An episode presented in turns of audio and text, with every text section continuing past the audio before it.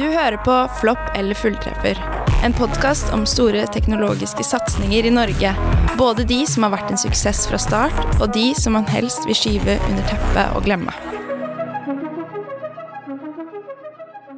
I Flopp eller fulltreffer snakker vi om norske teknologisatsinger som har eh, blitt en stor suksess, eller de som det har gått litt dårligere med. Jeg heter Sara Engesvik, og Vilde Alstad, du er også her. Og for å snakke med oss om dette i dag, så har vi med oss Espen Andersen. Han er førsteamanuensis ved Handelshøyskolen BI. Velkommen. Takk, hyggelig at jeg fikk komme. Eh, du har skrevet en kommentar eh, i 2020 på digi.no. Og den heter katastrof om katastrofeprosjekters dramaturgi. Og det er for å snakke litt mer om denne dramaturgien du er her i dag. Um, kort fortalt så nevner du at um, katastrofeprosjekter har veldig, et veldig ensartet manus, og det er tre deler. Det er uh, Først så skylder man på at feilen er pga. teknologi, og så organisasjonen, og til slutt er det strategien som får skylden. Eh, kan du gi et litt eh, større handlingsreferat av det manuset? Ja da, absolutt. Um, altså, det som er spesielt med informasjonsteknologiutvikling Det er klart at det, hvis du har fysiske prosjekter som skal utvikles, da, ikke sant, som f.eks. karbonfangst, og sånne ting, så kan det bli katastrofer, det også. Men med informasjonsteknologi, altså systemer, så er det sånn at de er abstrakte. Det er ikke noe vi kan ta og se og føle på. At, eh, hvis, hvis, du og jeg skal lage en bil sammen, så kan vi jo lage en modell av den bilen, og så kan vi stå og se på den. Og da er vi ganske enige om hva vi ser. Men hvis vi skal lage et nytt sykehusjournalsystem f.eks., så er det veldig vanskelig å, å liksom, ta fram et bilde av det. Du snakker om millioner av linjer av kode. ikke sant? Og Dermed så mister man oversikten, og så misforstår man, og så, og så får du det jeg mener å si er at Innenfor informasjonsteknologisk utvikling, systemutvikling, så er sjansen for å få et katastrofeprosjekt veldig mye større. Og det, er, det, har jo hovedsakelig å gjøre med at det er, no, det er så lite håndfast. Og, og, du må ha en veldig dyp forståelse for, for, konteksten for å forstå hva det er du ser. Og det blir også tydelig når ting går feil, og man skal prøve å finne ja, altså, ut hvor når, når ting først for det første er det sånn at disse, Mange av disse prosjektene som du leser om, uh, er tre eksempler jeg kan nevne. Det er uh, et berømt prosjekt i USA som het Confirm. Uh, kjempemessig reservasjonssystem. Eh, så har vi Flexus her i Norge. Litt hjemlig. Brent vel av en 600 millioner kroner eller et eller annet der omkring. Eh, for å lage et billettsystem for sporveien, eller for ruter, som aldri fungerte. Um, og så har vi jo nå uh, et pågående system som kommer til å krasje. Man kommer til å snakke minst mulig om det, nemlig Akson. Som er altså et ja, noe som til å begynne med skulle være en, en, enkel forbindelse mellom ulike sykehustjenester, men sånn så bare vokst utover alle grenser, og akkurat nå har en prislapp på 22 milliarder kroner. Og det oppdaget du og andre? Nei, det er veldig mange som har oppdaget dette, her, som veldig mange har sagt noe om det, men et kjennetegn med katastrofeprosjekter er at de som holder på med det, blir veldig stolte av det og vil ikke gi slipp på det, selv om alle som står rundt kan se at dette går til helsike. Og Hva er det som har skjedd med Akson da, nå? Um, ja, jeg tror, la meg, først Hvis vi skal se på liksom dette med, det, med teknologi, organisasjon og um, teknologiorganisasjon og, og strategi, så er det sånn at eh, det, det, jeg mener med et katastrofeprosjektsdramaturgi, det er at det er tre stadier, og du finner jo alltid mot slutten av et prosjekt. Og Det første som skjer, er at man skylder på teknologien. Og hvis vi tar utgangspunkt i Flexus, da, som er et ganske oversiktlig Eh, og litt isolert eh, problem, så ser vi at eh, det første som skjedde der sånn, var at et konsulentselskap, Thales, fransk konsulentselskap, de klarte ikke å bygge en billettautomat som klarte å håndtere billettene. Det varte og det rakk, og det fikk det ikke til. Og i fase én så var det Thales som fikk skylden. Det var Thales problem. Ikke sant? De klarte ikke å lage disse automatene som de hadde sagt de skulle gjøre. og det ene med det andre. Ok. Så kommer det en periode hvor teknologileverandøren slår tilbake mot kunden og sier ja, men dere har aldri fortalt oss hva vi skal ha. Eh, og dere kommer ikke på møter, og de folkene dere sender på møter, skjønner ikke hva vi snakker om. Vi, dere må ha bedre teknologiforståelse. slik at vi, og dere vil ikke, altså Man får en sånn debatt om at liksom, problemstillingen har aldri vært helt klar, og så skylder man gjerne på dårlig prosjektledelse, eller at det er feil folk som sitter der, osv. Og Det er et veldig velkjent problem. ikke sant? Eh, hvis du skal utvikle et nytt system, et eksempel jeg pleier å bruke. Hvis du skal utvikle et nytt system, så ber du om å få en representant fra kunden.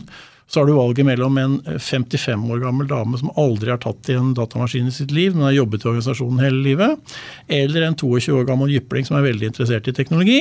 Da vet du hvem som kommer til å bli kunderepresentanten. ikke sant? Og den du vil ha, er den der dama som har jobbet der hele livet.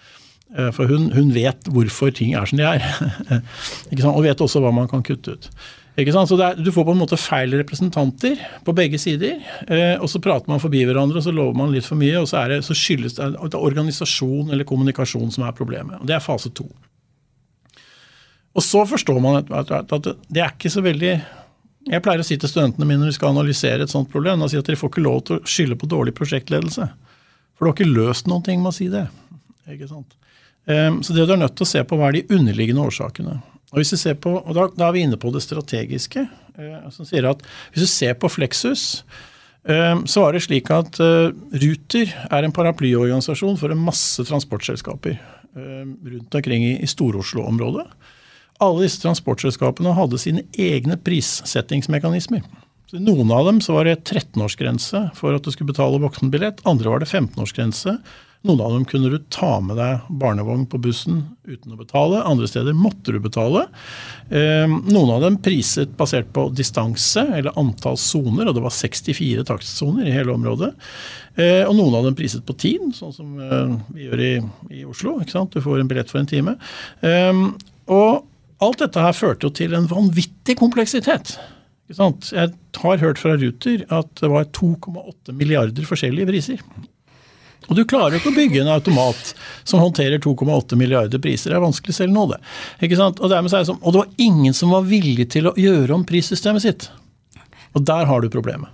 Og dette var da en tredje Det er den tredje fasen. Da skjønner man at det var det som var problemet. Og det skjønner ja. man helt, først helt på slutten, når man går tilbake og ser hva er det som faktisk ja. man har gjort feil. Og det er sånn, Du har et eller annet eh, liksom, hver gang det skal komme et nytt system, så er det mange mennesker som skal ha meninger. ikke sant? Og alle sammen sier ja, jeg vil ha det, og jeg vil ha det, og jeg vil ha det. Og det du er nødt til å gjøre, er å strippe det ned til det helt enkle og bygge det først.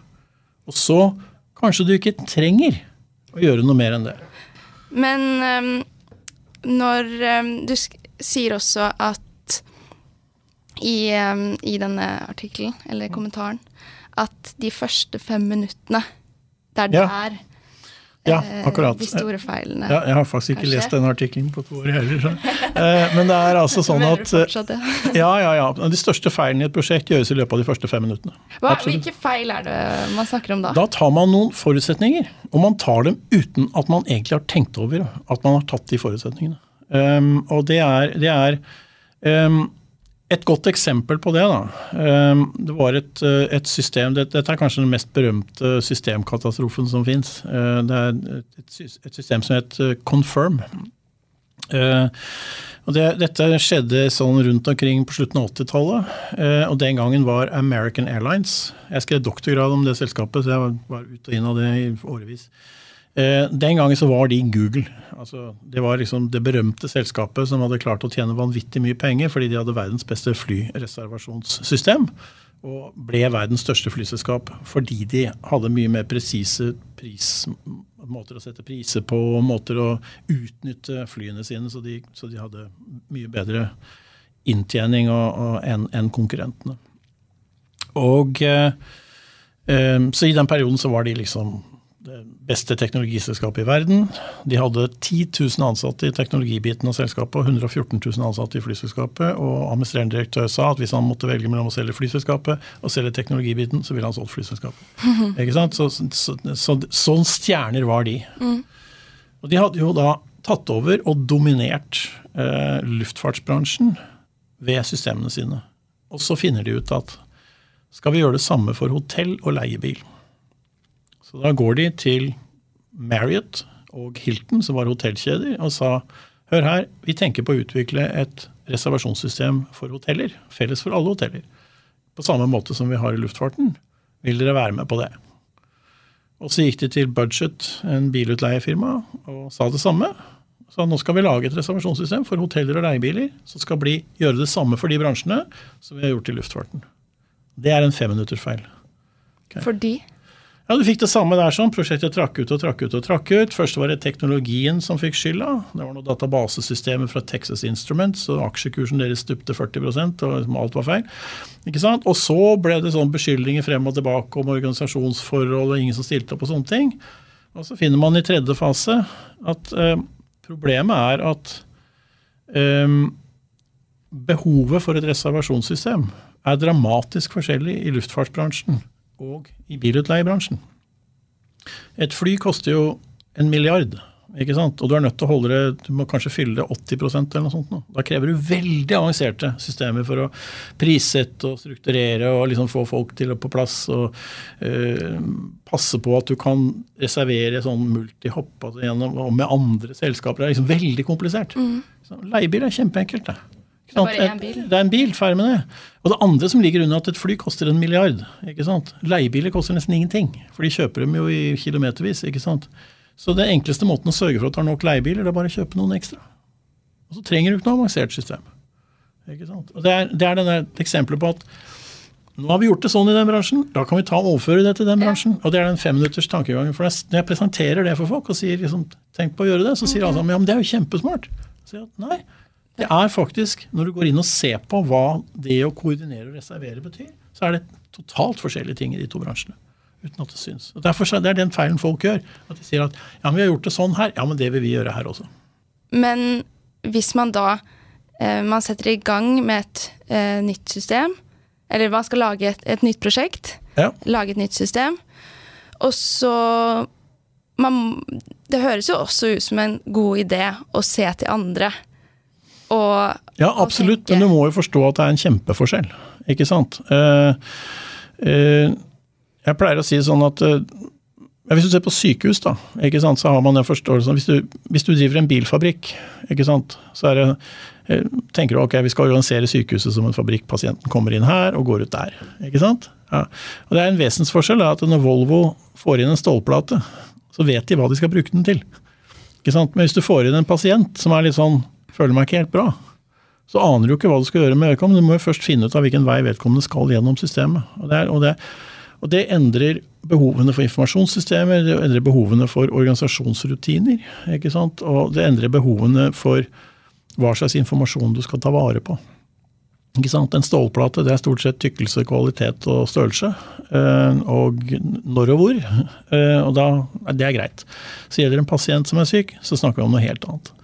Ikke sant? Og det er, det er den der tanken på at man f.eks. skal bygge et sykehus som en slags sånn gjennomstrømningsgreie og øke gjennomstrømningen og sånne ting, er helt misforstått hva et sykehus er for noen ting. Ja, for Vil det egentlig noen gang gå å på en måte lage et system som tar Hvis du har en pasient, så kan det jo plutselig være en helt nye ting som man aldri har tenkt på før. Ja, eller du kan få inn en pasient som er fem eller seks diagnoser på én gang, og er forskjellige stadier gjennom behandlingen for alle sammen, og det er sammenheng mellom dem. Um, og, og, behandling som ikke kan gjøres samtidig, og medisiner som ikke må tas samtidig. altså Voldsom kompleksitet. Da. Og Det er mulig å bygge systemet for det, men da må du forstå fra bunnen av at det er sånne systemer du bygger, og ikke at du bygger la meg si, et, et gjennomstrømningssystem med litt flere uh, informasjonsfelt. Mm, mm. Um, men um, når Når du sier at man kan på en måte allerede se før eh, et prosjekt har kommet så langt, mm. om det skal følge dette Om det kommer til å bli en katastrofe eller ikke, ja. ja. Eh, hvordan Hvorfor gjør man ikke noe med det? Det er fordi at For det er de systemene som blir katastrofeprosjekter, har ofte veldig mange aktører og veldig mange interesser. Um, jeg har skrevet flere kommentarer om det. En annen så snakker jeg om litt om Facebook-metoden.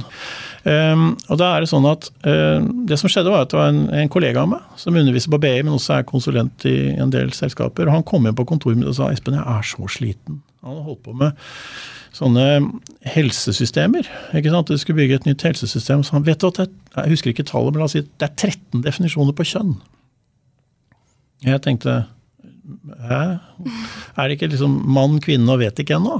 Altså, barnet er ikke født, eller pasienten har ikke blitt lagt inn ennå, eller hva Liksom. Ikke sant? Nei, han, det er liksom folk som er uh, født kvinner, men blir menn, og menn som blir kvinner.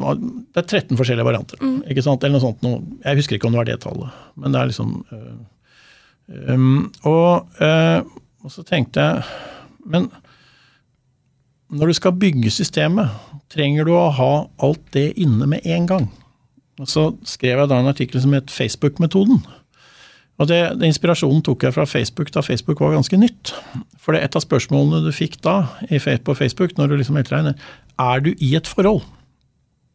Ikke sant? Er du sammen med noen? Eller gift med noen? eller noe sånt noe?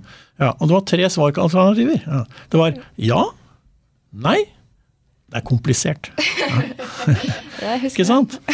Og så sier vi at ja, hvorfor i all verden kan vi ikke begynne det sykehussystemet med følgende, da? Mm. Mann, kvinne, komplisert. Ja. Og så gjør vi systemet og Du kan tenke deg at dette er i veldig veldig mange dimensjoner. ikke sant? At det, at det blir sånn. Eh, og dette er selvfølgelig satt litt på spissen, det jeg sier nå, men det er sånn La oss bygge det enkle, lille systemet først. Og så kan vi utvide det til å håndtere de mer marginale tilfellene. Ikke sant? Og Det er sånn, det er en, uh, finnes en berømt bok, den er skrevet i 1977, så vidt jeg husker, uh, av han som utviklet det første egentlige uh, operativsystemet. System 60 for IBM. Det holdt på å ta knekken på IBM. Og Det var da han lærte alt dette med at informasjonsteknologiske systemer er komplekse. ikke sant, og en hel masse sånne ting. En av de tingene de sier i den boken, er at ethvert stort, komplekst system som fungerer, begynte som et lite system som fungerte. Og, og det er på en måte det er læreboks... Uh, ja, ja. Dette, er, dette, har man visst siden 1977. Men man klarer ikke å forstå at det er det man må bygge. Men hvis man uh, Hvorfor har man ikke en eller annen på en måte sånn uh, katastrofeoppdager på ethvert team som er sånn Ops, ops, nå, nå er vi på vei inn i en katastrofe. Allerede fra første møte? Ja, men Da er du nødt til å ha noen som for det første skjønner teknologien veldig godt, men enda viktigere skjønner organisasjonens behov veldig godt, og for det tredje har myndighet og penger nok til å si nei. Og de tre er kanskje ikke i én person nei. i en bedrift? Nei. Du har sett det noen steder. Et veldig godt eksempel i Norge er vi har kanskje verdens beste skattesystemer. Altså det der med, vi begynte med elektronisk eh, selvangivelse um, i jeg tror det var 80-tallet. Ikke sant? Da var det en som het Bjarne Hope. Han var ingeniør og eh, ble etter hvert sjef for skattevesenet. Eh, og det han sa, folk skal ikke behøve å fylle ut selvangivelsen sin. Fordi informasjonen, den har vi allerede. Ikke sant? Og nå har man jo gått videre og videre og videre. og videre, ikke sant? Så, men man begynte med et veldig veldig enkelt system. Du, eh, du tok, de tok utgangspunkt i folk som hadde én jobb, ett hus og én bil. Og så laget de et system for dem. Og så har de gradvis utvidet det liksom, til å omfatte mer og mer og mer. og mer. Samtidig, og det er det kanskje aller viktigste um, Det er nå slik at altså, det er et veldig press for forenkling av skatteregler i Norge. For det er ingen som har lyst til å begynne å skrive selvangivelse igjen. Mm. Ikke sant? Og det er sånn at Enhver politiker som vedtar en eller annen særlov som liksom gir liksom et eller annet sånn snåle skatteregler og sånne ting, ikke sant? Vil jo da bli fryktelig upopulær hvis vi er nødt til å begynne, hvis alle må begynne å gjøre eh, det der på nytt igjen. Dere er for unge til å huske selvangivelse. Eh, men jeg husker jo at man satt i januar ikke sant, og skrev dette her sånn, og skulle regne ut og måtte se på, Du måtte føre inn dine egne liksom, fra banken, og alt måtte skrives. ikke sant, Og det måtte du ha orden på, og det var et helvete. Og så skulle du ned og levere den fysisk på rådhuset. Ikke sant? Og Da var det alltid sånn at Dagsrevyen sto og filmet liksom, at folk kom og leverte den der forbaska selvangivelsen innen fristen. Ikke sant? Og Sånn som det er nå, så er det for langt de fleste av, så er det, kommer det sånn på Altinn ikke sant? en SMS eller noe sånt noe fra, fra Skattedirektoratet som sier her er skatten din. Eh, og hvis det er riktig, så trenger du ikke gjøre noe. Og Det er jo sånn det skal være. Og der var det kanskje en som hadde alle alle de egenskapene. Ja, Bjarne Hope hadde det i en, ja. i en, tidlig fase. Han døde dessverre altfor ung. Men, uh, men han, han, hadde evnen til å gjøre det. Jo, én ting til. Enda viktigere, uh, faktisk. Det ble gjort over driftsbudsjettet. Hva vil det si? jo, det vil jo vanligvis si at en, Vanligvis så legger du ut et prosjekt, ikke sant. Og så skal du ha, da skal du ha en sånn derre I hvert fall hvis du gjør ja, offentlig anskaffelse, så skal jo fanden hans oldemor altså Disse prosjektbeskrivelsene er helt håpløse. ikke sant? Og så må du sende inn ting, og så må du foreslå. Og så ender det veldig ofte opp med at det prosjektet som blir laget, er noe helt annet enn det som var meningen. Pluss at selvfølgelig, du oppdager jo ting underveis. En av de tingene som vi ikke tar høyde for når vi skal liksom spesifisere et system, det er jo at etter hvert som vi begynner å jobbe med dette, så finner vi ut at ja, men kanskje ikke dette var så lurt. Kanskje vi kan la være å gjøre dette, osv. Ikke sant? Og da, Hvis du da har liksom en offentlig anskaffelse til flere milliarder, og det er masse prosjekter og komiteer og tjo og hei, ikke sant? så er det veldig veldig vanskelig å skjønne at hm, kanskje vi ikke trenger å gjøre dette i det hele tatt. Ja, for På et eller annet tidspunkt så, så, har man på en måte da gått over en grense hvor det føles ut som Oi, nei, nå kan man ikke eh, Nå må vi bare kjøre, sette alle kluter til. Eh, mm. Vi kan ikke gå tilbake. Ja, altså, altså, altså, Så baller det på seg som en snøball. ikke sant? Det blir større og større. og større, og Til slutt så er det sånn når det er hundrevis av mennesker som jobber der, og det ene med det andre, og du har også, ikke minst, du har allerede brukt en milliard. Mm -hmm. ikke sant? Hvordan skal du få regnskapsført det? For det er jo, Hvis du må avskrive det systemet, så har du plutselig en milliard i minus. ikke sant? Eh, og det, det, det går utover folks karrierer og det ene med det andre. Ikke sant? Og så kan det, Du kan se en hel masse sånne tegn på at et prosjekt begynner å gå galt. ikke sant? Seniorteknologer forlater skuta, ikke sant? Eller at um, delleveranser er forsinket, men man insisterer på at man skal klare å komme i mål på tid likevel. Eller ja, en, du, du, kan se, du, kan se, det når sånne store prosjekter begynner å gå galt. Et annet uh, kjennetegn jeg pleier å bruke, er hvis du spør folk som jobber på det hva systemet skal gjøre, og de ikke kan svare på det, de sier at det skal, være, det skal revolusjonere bransjen, eller det skal, det skal gjøre alt. Mm. Da vet du at her er det fare på ferde.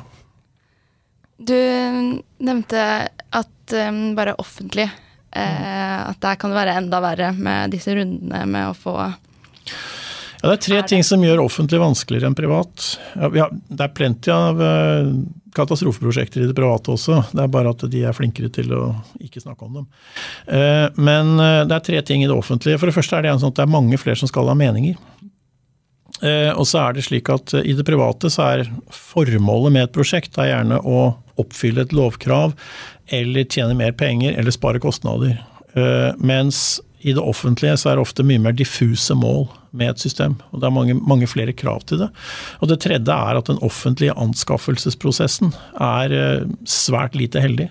Eh, fordi ja, den er enormt prisdrivende, og den er enormt innovasjonshemmende. Men er det flere katastrofeprosjekter i det offentlige pga. det, eller er det Ja, det vil jeg tro at det er flere i, i offentlig sektor mm. enn i privat sektor. Det betyr ikke at det ikke er katastrofeprosjekter i privat sektor. Nei. Katastrofeprosjekter, eh, det vil man jo ikke ha. Eller er det faktisk noe man kan lære av det? Ja, Problemet er at lærdommen um, Lærdommen er ikke like tydelig, ikke sant. Altså, uh, hvis du snakker med Ruter, så er de veldig tydelige hele veien opp i ledelsen der sånn at uh, ja, men vi dreit oss ut fordi vi vi, redus, vi, reduserte ikke kompleksiteten i prisstrukturen før vi laget et nytt system. Det skulle vi gjort, eh, og det er ganske opplagt. Jeg er ikke helt sikker på om du snakker alle delleverandørene til Ruter, om de er enig i den beskrivelsen, men, men folk ønsker ikke å endre det sånn som de gjør ting. Altså, vi mennesker liker ikke endring. Vi kan si at vi er så endringsvillige som bare rakkeren. Vi liker det ikke. Hva er den største eh, på en måte varsel når kommer den største varsellampen opp eh, i utviklingen av et eh, prosjekt eller et system? Når burde den største varsellampen blinke? Ja Det er mange, det er det som er problemet, ikke sant? Altså, jeg kjenner igjen katastrofesystemer, og folk som har erfaringer for dette, kjenner igjen katastrofesystemer ikke, ikke, ikke basert på én ting, men på eh, at det er mange enkeltting som skjer samtidig. Ikke sant? Så Eh, når Ja, så det er liksom La oss si en liste over ti ting, da, ikke sant? og hvis tre eller fire av dem er til stede, så er det grunn til å, å, å hoie. ikke sant? Ja. Hvis det er det største systemet organisasjonen noensinne har laget, det er et faresignal. Hvis eh, listen over ting systemet skal gjøre, vokser og vokser, uten at budsjett og tidstid vokser og vokser, eh, så er det fare på ferde. Hvis man overskrider mellomleveranser, så er det fare på ferde. Hvis systemet skal leveres om seks år, så er det, det er et kriterium nesten i seg selv. Jeg syns ingen systemprosjekter skulle gå utover seks måneder. Uh, og uh, hvis de går utover det, så det bare, tyder bare på at man ikke har vært flink nok til å modularisere. Ikke sant? Og det, det hele, så ja. Kanskje det største altså Når prosjektet er stort og går over lang tid, så er det, det er et faresignal i seg selv, og det skjønner vi ikke, rett og slett. Så moderne systemutvikling handler jo om å for det første bruke mest mulig av ting som allerede er laget. For det andre å gjøre utviklingen i veldig korte faser og med veldig god oversikt over hva de enkelte legoklossene i systemet gjør for noen ting. Um, og det er Når du liksom insisterer på at vi skal ha et stort system, det skal koste mange penger, skal involvere hundrevis av mennesker, og det skal gå over lang tid, f.eks. mer enn to år, så um, da, da, er det grunn til å gå inn og se om du ikke kan dele opp i mindre biter. Takk for at du ville komme, Espen Andersen. Um, jo, takk for at jeg fikk komme. Morsomt. Flopp eller fulltreffer er en podkast produsert av Teknisk Ukeblad Media. Medvirkende til denne episoden var Sebastian Hagemo, Sara Engesvik og meg, Vilde Alstad.